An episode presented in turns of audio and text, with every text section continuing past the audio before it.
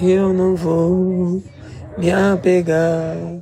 com as coisas